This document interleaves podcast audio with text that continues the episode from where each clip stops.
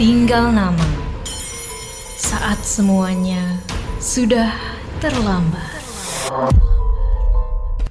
Wah, gini nih, bulan Ramadan, hawanya juga harus vibes Ramadan dong. Terus kita buka puasanya pakai apa nih? Udah tenang, udah ready tuh di meja makan. Eits, jangan lupa ngabuburitnya harus dengerin obrolan seru dari produser Medio di segmen Takjil hari ini dan audio drama kisah Anya dan Aji tayang di podcast Anyaman Jiwa di Spotify. Apalagi ada insight kesehatan mental loh dari psikolog, dijamin pasti makin seru deh. Eits, sama dong. Gue juga ada nih podcast andalan yang bisa didengerin bareng keluarga buat ngabuburit. Ada podcast obrolan meja makan yang gak cuma ngobrolin parenting dan isu rumah tangga, tapi juga punya audio drama yang diangkat dari kisah nyata loh. Wah, seru banget. Kalau gini sih, ngabuburitnya di rumah aja. Jadi makin seru dan asik. Iya dong, jadi gak sabar kan ngabuburit bareng Medio? Kami dari Medio Podcast Network by KG Media mengucapkan Selamat menunaikan ibadah puasa.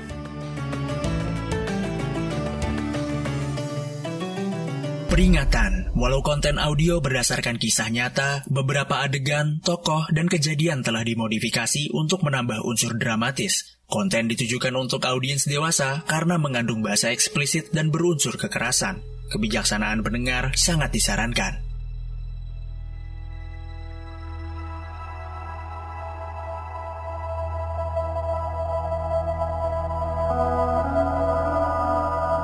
Selamat datang di podcast Tinggal Nama, podcast persembahan Media Podcast Network bekerja sama dengan Intisari dan Motion Radio, menghadirkan kisah kriminal dari seluruh penjuru dunia bersumber dari artikel terbitan Intisari.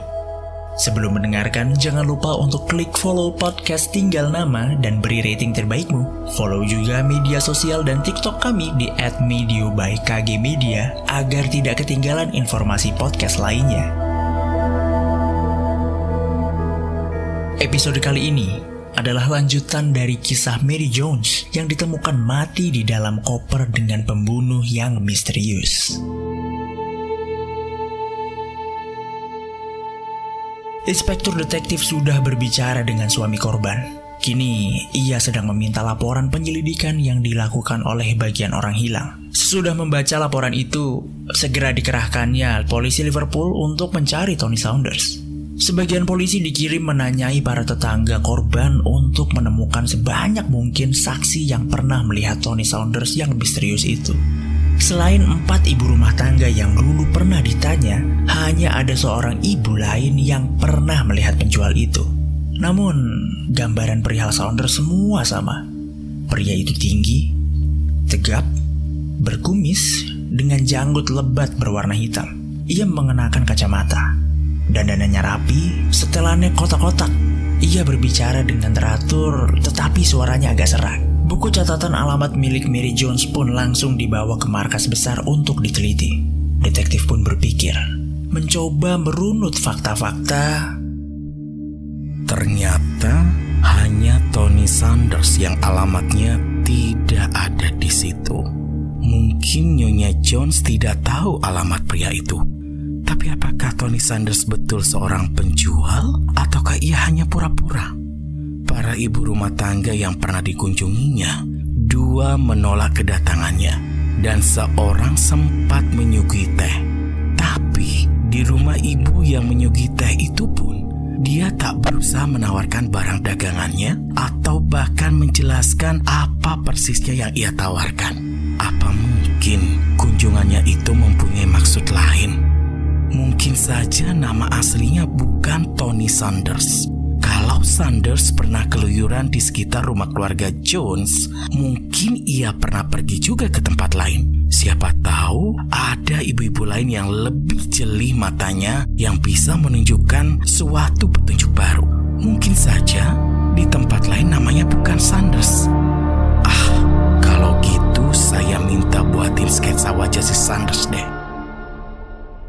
Dibekali sketsa itu, anak buahnya pun bertanya kepada para ibu di berbagai daerah pemukiman sekitar Liverpool. Rupanya, usaha itu membuahkan hasil. Ada saksi yang memberikan keterangan bahwa seorang penjual berusia 28 tahun yang memakai janggut lebat dan kacamata. Namanya Thomas Henley. Polisi memeriksa masa lalunya. Diketahui Henley pernah dijatuhi hukuman 14 bulan penjara. gara-gara mencoba memperkosa seorang gadis remaja di sebuah taman. Peristiwa itu terjadi enam tahun yang lalu. Setelah menjalani hukuman penjara 8 bulan, Henley dinyatakan bebas. Nggak pakai lama, Henley pun diciduk. Mengapa Anda melakukan perbuatan itu? Habis, dia menertawai saya. Saya cuma marah terus merobek-robek pakaian gadis itu. Tapi, saya nggak memerkosanya. Seumur hidup saya nggak pernah dekat-dekat ke daerah Lodge Road itu. Saya juga nggak kenal sama keluarga Jones yang kalian maksud. Inspektur detektif pun menjajarkan Henley bersama sejumlah pria yang penampilannya mirip, yaitu berjenggot dan berkacamata. Setelah itu, polisi meminta para ibu rumah tangga yang pernah kedatangan Tony Saunders untuk menunjukkan pria mana yang mendatangi mereka. Dua di antara ibu rumah tangga itu menunjuk Thomas Henley, tetapi sisanya menunjuk orang lain. Artinya, para saksi mata tidak sepakat. Sementara kita jangan menghentikan pencarian pria lain yang penampilannya digambarkan oleh para saksi mata. Siapa tahu Henley benar dan ada orang lain yang mengaku bernama Tony Sanders. Coba kita ke arah lain. Cari tahu apakah tempat koper ditemukan juga merupakan tempat Mary Jones diceburkan. Coba kita melakukan percobaan reka adegan. Koper diisi dengan batu dan sebagai pengganti tubuh Mary, taruh karung pasir seberat tubuh korban. Koper itu diceburkan ke sungai. Ternyata benda itu terseret air ke arah hilir. Sepertinya Mary diceburkan lebih ke hulu dari tempat mayatnya ditemukan. Penelitian pun berlanjut ke arah hulu. Tidak sampai satu kilometer dari sana, di tepi sungai ditemukan beberapa potong tali pendek. Tali itu sama persis seperti yang dipakai untuk mengikat Mary. Tanah di sana juga menunjukkan bekas-bekas koper diseret ke bibir sungai. Selain itu, ditemukan Pak, kami menemukan celana dalam ini. Tapi ini tidak robek dan tak menunjukkan bekas dibuka dengan kekerasan. Apakah ini celana istri Anda? Benar, istri saya memiliki celana semacam itu. Di tanah juga ada bekas ban mobil, tetapi hujan menghapuskan ciri-ciri bannya. Sepertinya akan agak sulit nih untuk kita identifikasi. Lantas, apakah bekas ban itu ada hubungannya dengan pembunuhan Mary Jones? Polisi tak berhasil menemukan apa-apa lagi. Kini inspektur detektif memerintahkan bawahannya mencari keterangan dari teman-teman korban. Setahu saya, semenjak tahun 1975, Nyonya Jones tiba-tiba jadi ganjen deh. Rambutnya dicat pirang dan pakaiannya lebih seksi. Mary cerita sama saya, suaminya mempunyai pacar yang usianya lebih muda dari Mary. Jadi Mary berusaha untuk tampil lebih menarik untuk merebut kembali cinta suaminya. Gue denger sih gosip itu kalau Henry Jones minta cerai sama istrinya. Tapi Mary-nya ogah.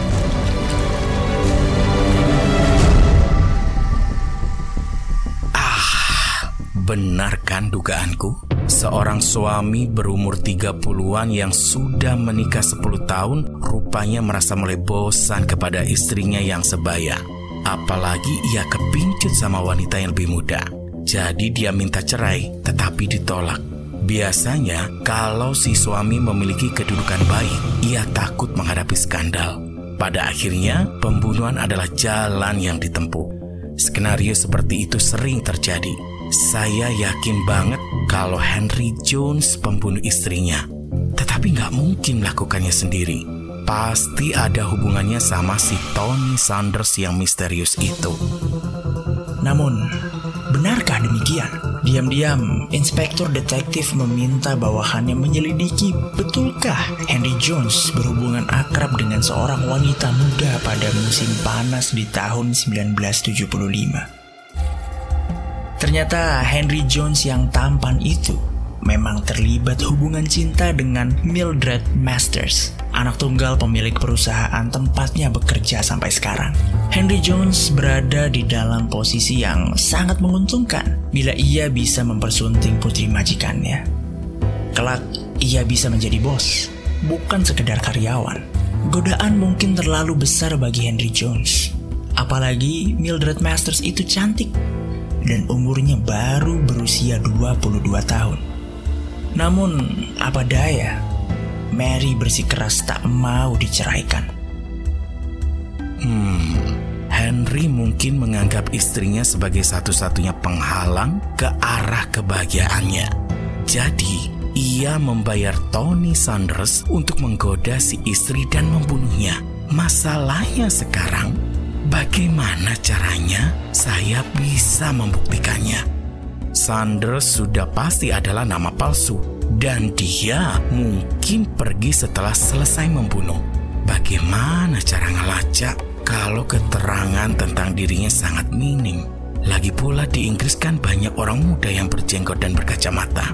Ya, salah satu si Thomas Henley itu dan dia tetap menyangkal soal hubungan dengan Mary. Karena tak ada bukti fisik yang mengaitkan Henley dengan Mary maupun Henry Jones, Thomas Henley pun terpaksa dibebaskan. Kini penyelidikan dipusatkan kepada Henry Jones. Gerak-gerik dan orang-orang yang berhubungan dengannya selama tiga bulan terakhir juga turut ditelusuri. Sementara itu, buku alamat Mary Jones diperiksa lagi entah untuk berapa puluh kali. Saya merasa nama Tony Saunders ditulis dengan tulisan tangan yang agak berbeda dengan tulisan lain di buku itu. Jadi, saya sarankan untuk minta tolong ke ahli tulisan dan bawa buku itu ke laboratorium mereka untuk diperiksa. Segera, ahli itu bisa menentukan bahwa nama Tony Saunders ditulis dengan tulisan yang berbeda di buku itu. Walaupun penulisnya mencoba menirunya, polisi berusaha memperoleh tulisan tangan Henry Jones. Ahli tulisan menduga keras bahwa nama Tony Saunders ditulis oleh Henry Jones, walaupun mereka tidak bisa memastikannya 100%. Meskipun begitu, polisi tidak bisa mendapat bukti yang menyatakan Henry Jones pernah berhubungan dengan Tony Saunders. Saya berniat menghentikan saja penyelidikan atas kasus Mary Jones karena belum juga menemukan titik terang. Saya mengumumkan kepada wartawan sekalian untuk membagikan hasil penyelidikan yang telah kami lakukan. Hasil penyelidikan itu pun dibagikan di koran Manchester. Ternyata polisi ditelepon seorang pria berumur 68 tahun. Pak polisi, saya melihat koran Manchester tentang pembunuhan Mary. Saya sempat ingat kalau nggak salah tanggal 15 November lewat tengah hari saya lewat dekat tempat kejadian. Di sana saya melihat sebuah pickup tertutup diparkir dekat semak-semak di tempat sepi itu. Dari tulisan di badan pickup itu saya tahu kendaraan itu milik sebuah perusahaan impor ekspor. Saya bingung untuk apa pickup perusahaan itu ada di situ pada jam segitu. Tapi sayangnya saya tak melihat ada seorang pun ada di sana. Jantung inspektur detektif pun berpacu keras. Sebab perusahaan impor ekspor yang disebut pria penelpon itu merupakan perusahaan tempat Henry Jones bekerja dan tidak pernah diceritakan oleh detektif ke publik. Henry Jones pun akhirnya ditahan. Tetapi polisi tidak bisa menemukan bekas-bekas kejahatan di pick up yang biasa dikendarai pria itu. Sementara itu, polisi yang ditugaskan menyelidiki hanya menemukan sejumlah pakaian sandiwara. Henry diketahui sejak kecil senang main sandiwara. Namun, tiba-tiba inspektur detektif sadar ia telah menemukan Tony Saunders. Mana mungkin saya menyamar jadi Tony Saunders? Apalagi sampai store muka ke rumah-rumah tetangga untuk menciptakan tokoh fiktif pembunuh istrinya. Gak usah bohong, anak bos Anda itu pacar Anda kan? Hah? Enggak, enggak. Itu fitnah. Anda juga mau menceraikan Mary kan? Gak usah bohong lagi.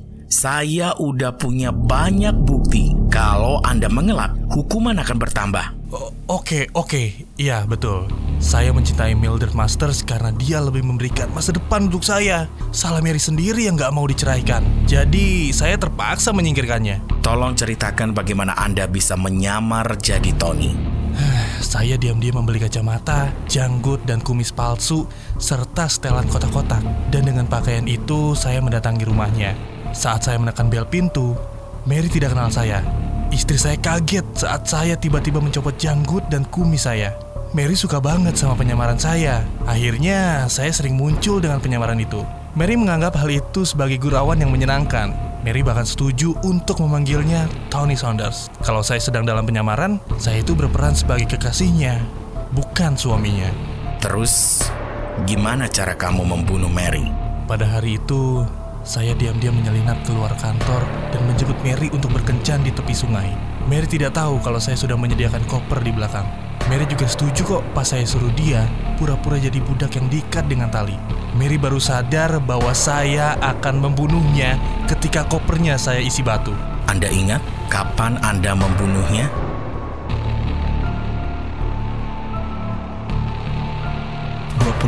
Oktober 1979 adalah hari ketika Henry Jones tega menenggelamkan istrinya seperti menyingkirkan kucing. Henry pun akhirnya dijatuhi hukuman penjara seumur hidup. Jangan lewatkan episode Tinggal Nama selanjutnya. Saat semuanya sudah terlambat, yang tersisa hanyalah tinggal nama. Tinggal